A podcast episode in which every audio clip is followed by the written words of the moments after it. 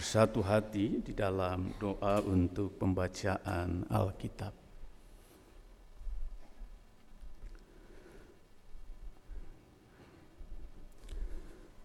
Dalam sulit kami boleh diingatkan bahwa kami harus mampu bangkit.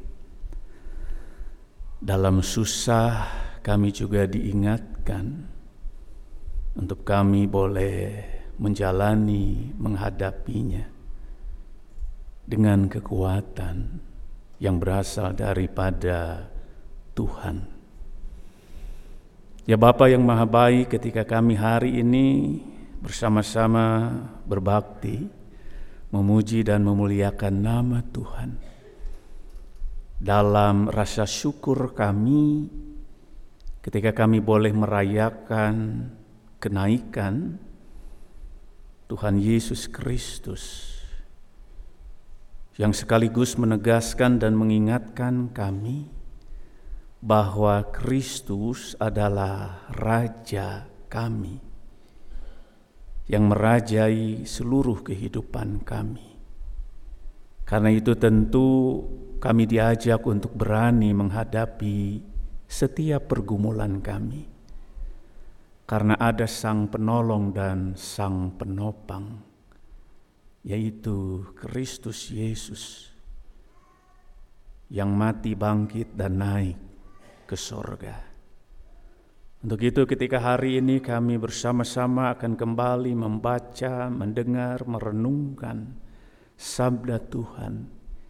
Kiranya firman-Mu boleh menggugah kami, boleh menyemangati kami untuk boleh tetap dan terus maju dan berkarya dalam kehidupan, sehingga kesulitan tidak menjadi alasan untuk kami diam. Curahkan Roh Kudus, sehingga hambamu boleh dimampuhkan oleh pertolongan Roh Kudus untuk menyampaikan kebenaran sabda Tuhan seturut dengan kehendakmu. Bersabdalah kepada kami ya Allah karena kami telah siap dan sedia untuk mendengarkannya. Amin.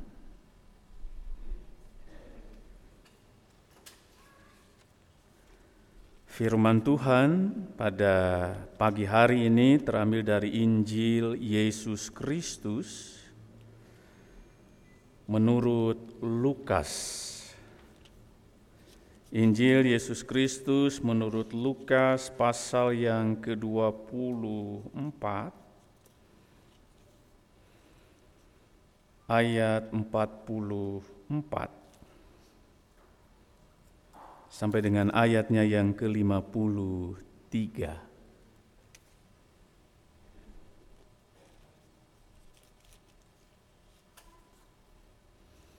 Lukas 24 ayat 44 sampai ayat yang ke-53. Demikian sabda Tuhan. Ia berkata kepada mereka, Inilah perkataanku yang telah kukatakan kepadamu ketika aku masih bersama-sama dengan kamu, yakni bahwa harus digenapi semua yang ada tertulis tentang aku dalam kitab Taurat Musa dan kitab nabi-nabi dan kitab Mazmur. Lalu ia membuka pikiran mereka sehingga mereka mengerti kitab suci. Katanya kepada mereka, ada tertulis demikian, Mesias harus menderita dan bangkit dari antara orang mati pada hari yang ketiga, dan lagi dalam namanya berita tentang pertobatan dan pengampunan dosa harus disampaikan kepada segala bangsa, mulai dari Yerusalem. Kamu adalah saksi dari semuanya ini, dan aku akan mengirim kepadamu apa yang dijanjikan Bapakku. Tetapi kamu harus tinggal di dalam kota ini sampai kamu diperlengkapi dengan kekuasaan dari tempat tinggi. Lalu Yesus membawa mereka keluar kota sampai dekat Betania. Di situ ia mengangkat tangannya dan memberkati mereka. Dan ketika ia sedang memberkati mereka, ia berpisah dari mereka dan terangkat ke sorga. Mereka sujud menyembah kepadanya Lalu mereka pulang ke Yerusalem dengan sangat sukacita. Mereka senantiasa berada di dalam bait Allah dan memuliakan Allah. Yang berbahagia adalah setiap orang yang mendengar firman Tuhan serta memelihara di dalam hidupnya. Haleluya!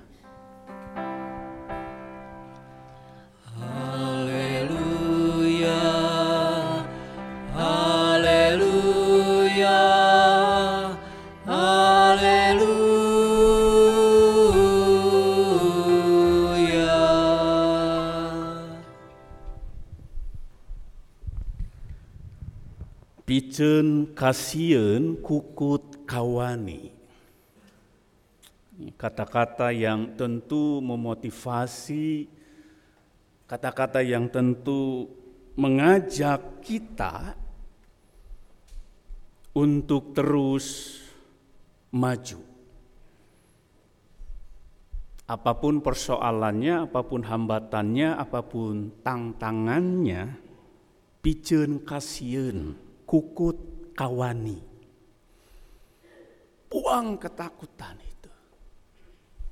Peliharalah keberanian untuk melangkah, untuk tetap berjalan, untuk mengatasi berbagai situasi yang kerap kali tidak mudah pijen kasian kukut kawani, maka tema hari ini yang mengingatkan kita bangkit, maju, dan berkarya.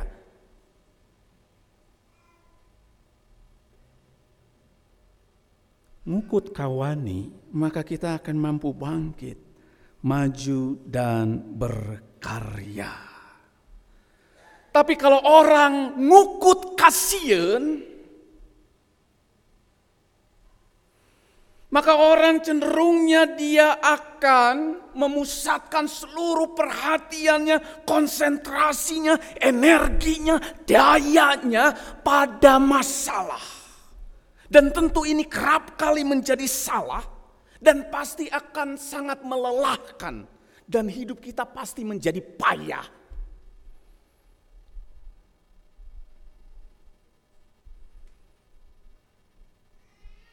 Orang yang ngukut kasihan akan berhenti pada hese. Gak mudah. Lalu tidak berbuat apa-apa.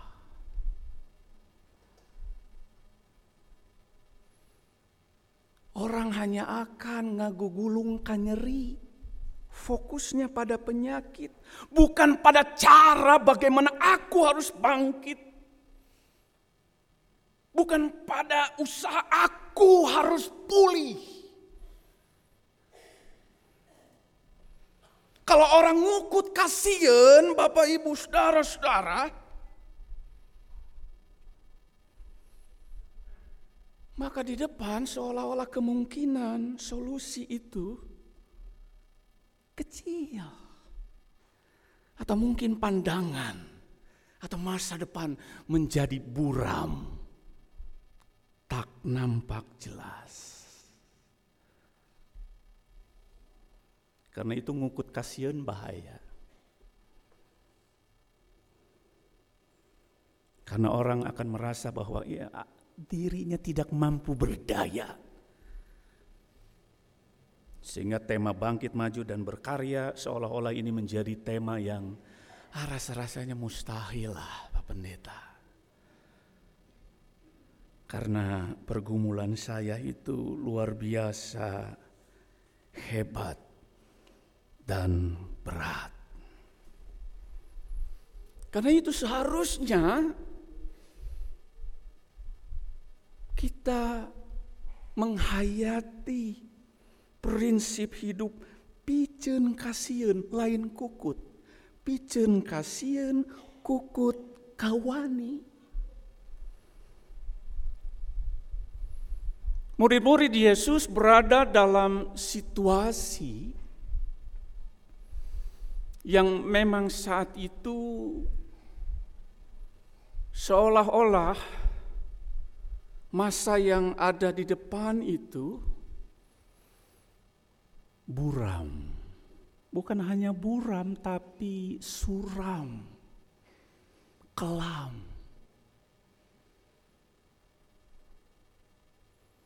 Kesulitan itu terasa begitu menyakitkan.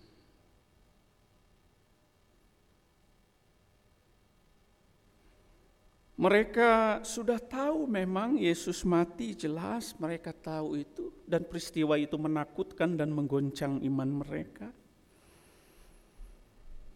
Mereka tahu kemudian Yesus bangkit. Ada perubahan memang. Tetapi mereka belum pulih sepenuhnya. Karena itu berita kenaikan Yesus Kristus ini menegaskan bahwa hidup kita sepenuhnya dikuasai oleh Dia yang bangkit dan naik itu. Dikuasai oleh Yesus. Peristiwa kenaikan Yesus Kristus mempertegas bahwa ya ia adalah Tuhan, ia adalah Raja, ia penguasa sesungguhnya dari segala sesuatu, bahkan hidup kita ini ada dalam kuasanya. Ia Raja yang mengrajai seluruh kehidupan kita, gerak.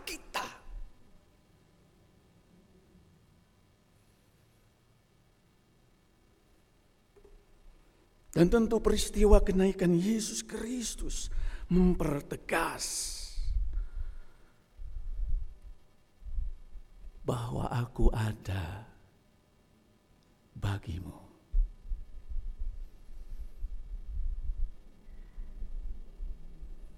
Allah ada. Karena itu Bapak Ibu Saudara-saudara pemuda remaja dan anak-anak yang dikasihi oleh Tuhan Yesus Kristus. Ketika Yesus naik ke surga,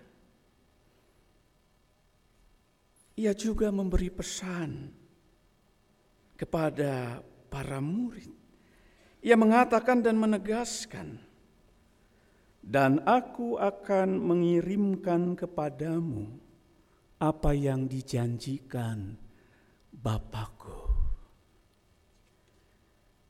Artinya Yesus akan memberikan roh kudus yang akan menolong, menopang, dan menyertai seluruh perjalanan hidup manusia dari hari ke hari. Untuk itu peristiwa kenaikan Tuhan Yesus ke sorga adalah peristiwa yang seharusnya menyukacitakan kita. Para murid tentu. Karena kita diingatkan kembali bahwa kita tidak sendiri.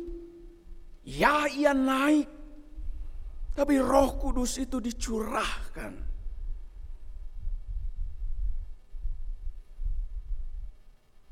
Dan itu membuktikan bahwa dalam takut dan gentar, dalam susah dan sakit, kita begitu dicintainya.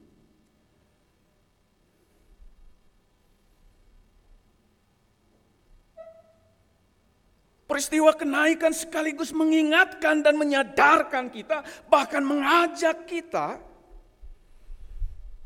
bahwa kita adalah saksi-saksinya yang diutus untuk berkarya. Bangkit dari keterpurukan, bangkit dari lukamu, bangkit dari kegagalanmu, bangkit dari persoalanmu, bangkit dari ketidakberdayaanmu, maju, jangan diam. Dan jadilah saksi, berkaryalah, melayanilah, Jalanilah hidupmu dengan baik dan benar, bermakna dan berdampak. Dan itu semangat kenaikan Yesus Kristus yang mendorong kita untuk tidak boleh stuck, diam dalam satu kondisi sulit.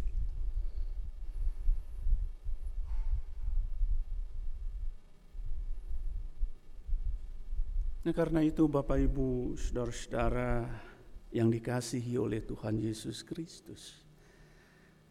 Betapa peristiwa kenaikan itu satu peristiwa yang penting. Walaupun sering kali fokus gereja hanya pada Natal. Oh kalau Natal itu mempersiapkan segala sesuatunya jauh-jauh hari. Bahkan kalau bulan sudah namanya ujungnya ber gitu ya. Wah dari September itu gitu ya. September, Oktober, November, wah persiapannya begitu rupa. Gitu. Beberapa tahun ini kita mulai kembali diingatkan harus memaknai masa raya Paskah. Nah, kita mulai gitu ya. Nah tapi kenaikan rasa-rasanya hari kenaikan itu kita anggap ah, ini peristiwa biasa. Gitu ya. Sehingga tanggal merahnya dipahami ya libur biasa saja. Padahal ada peristiwa iman, peristiwa besar di sana, ada pesan yang besar. Yang menegaskan bagi setiap orang percaya dalam ketidakmampuanmu, dalam ketidakberdayaanmu, dalam persoalanmu, dalam kesulitanmu, dalam ketidakbisaanmu. Ada Kristus yang adalah Raja yang menguasai hidup dan kehidupan kita. Hidup kita ada dalam tangan kasihnya. Jadi kenapa takut? Jadi kenapa diam hanya karena sulit? Mari bangkit, mari maju, mari berkarya. Ada tiga hal Bapak Ibu Saudara-saudara karena itu yang menjadi perenungan kita. Yang pertama, Yesus Gusti Nusajati. Dia Tuhan, dia Allah. Dan dia adalah Raja. Yang merajai seluruh kehidupan kita. Itu artinya dalam hidup ini tidak boleh kumaha dewek. Tidak bisa lagi bagaimana saya. Tetapi dalam hidup ini haruslah bagaimana Tuhan. Karena ia raja. Ia yang bertahta seharusnya dalam hidup kita. Bukan kita.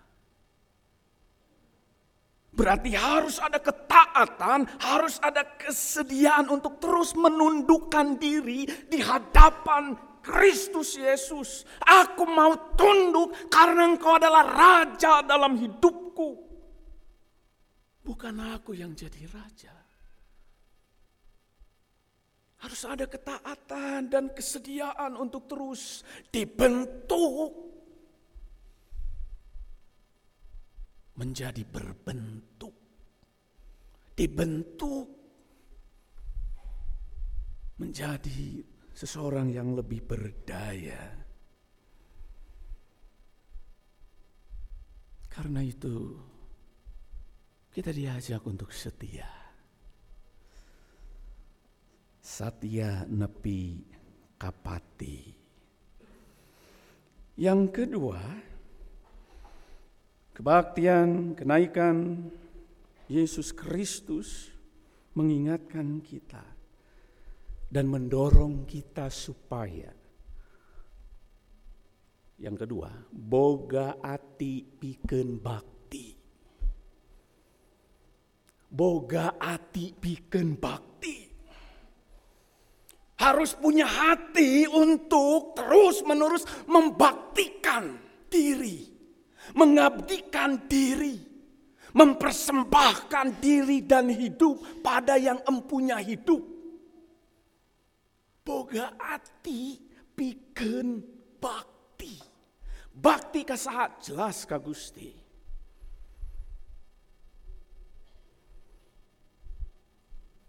Boga ati piken bakti berarti mari bergerak terus, maju terus, hadapi berbagai tantangan dan persoalan bersama dengan Allah yang maha kuat dan hebat itu. Berarti kita diajak untuk siap melayani, sedia berbagi, mau mengasihi, rela memberi. Persoalannya apa-apa dalam hidup ini kerap kali kita jadi orang anu sagala embung. Repot. Sagala embung eueuh kadaek. Orang kalau sagala embung eueuh kadaek moal maju jauh ti sukses loba teu beres. Sagala embung, sagala embung mana naonnya? Hees wae meureunnya. Da sagala embung, itu embung ieu embung gitu ya melayani embung, ke gereja embung, mere persembahan embung, aktif embung gitu ya. Mun dibere hayang hayang gitu. Boga ati pikeun bakti ka Gusti. Punya hati untuk melayani dengan cinta. Yesus naik ke surga. Ia memberikan Roh Kudus dan kita diajak untuk jadi saksi, diutus untuk jadi saksi, saksi yang terus boga ati piken bakti. Yang kedua, Bapak Ibu Saudara-saudara, firman Tuhan yang ketiga, firman Tuhan hari ini mengingatkan ngalengkah dina pasti najan yang harapan pati. Ngelengkah dina pasti. Kenapa kita harus melangkah dalam kepastian, melangkah dengan pasti? Karena kita melangkah dengan Allah setiap hari. Karena kita harusnya berjalan bersama bergerak dengan Gusti bukan sendiri. Apalagi ketika kita menghadapi berbagai persoalan, jangan pernah merasa kuat sendiri. Kita nggak kuat sendiri. Ngalengka dina pasti najan yang harapan pati. Melangkah dengan pasti, oh saya pasti bisa melangkah Pak Pendeta, saya pasti bisa melewati berbagai persoalan saya, saya pasti bisa terus berjalan Pak Pendeta karena saya disertai oleh Gusti. Sehingga persoalan apa pun, masalah apa pun, bagi saya itu tidak melemahkan iman saya. Bagi saya itu tidak akan pernah menguburkan semangat, pengharapan, mimpi saya ke depan.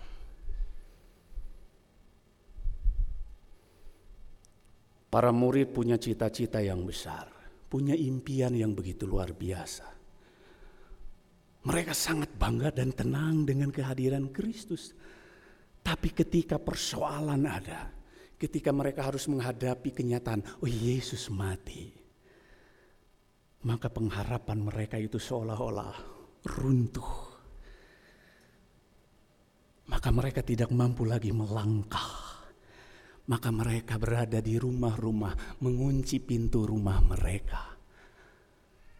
Tapi ketika Yesus bangkit, menampakkan diri pada mereka, dan Yesus naik, lalu memberikan Roh Kudus, maka perubahan terjadi. Karena itu kenaikan Tuhan Yesus Kristus sesungguhnya menjadi peristiwa yang mengembalikan semangat kita yang melemah. Mengembalikan pengharapan kita yang mulai meredup.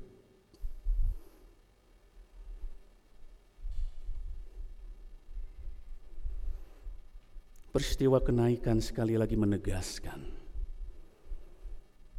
bahwa kita ulah eren dina sieun, ulah eren dina hese, ulah eren dina susah, ulah eren dina tebisa, ulah eren. Karena roh kudus menyertai. Karena Kristus menemani. Karena kita tidak sendiri. Karena itu seperti tema kita hari ini. Bangkit, mari bangkit. Maju. Dan terus berkarya dalam kehidupan. Saudara-saudara yang dikasihi oleh Tuhan Yesus Kristus, dalam hidup ini masalah selalu ada. Tapi jangan pernah karena masalah lalu kita kehilangan keyakinan iman. Kuasa Kristus, pertolongannya telah dan terus terbukti. Untuk itu, mari kita bangkit maju dan terus berkarya dalam kehidupan kita hari demi hari. Pijen kasieun kukut kawani. Amin.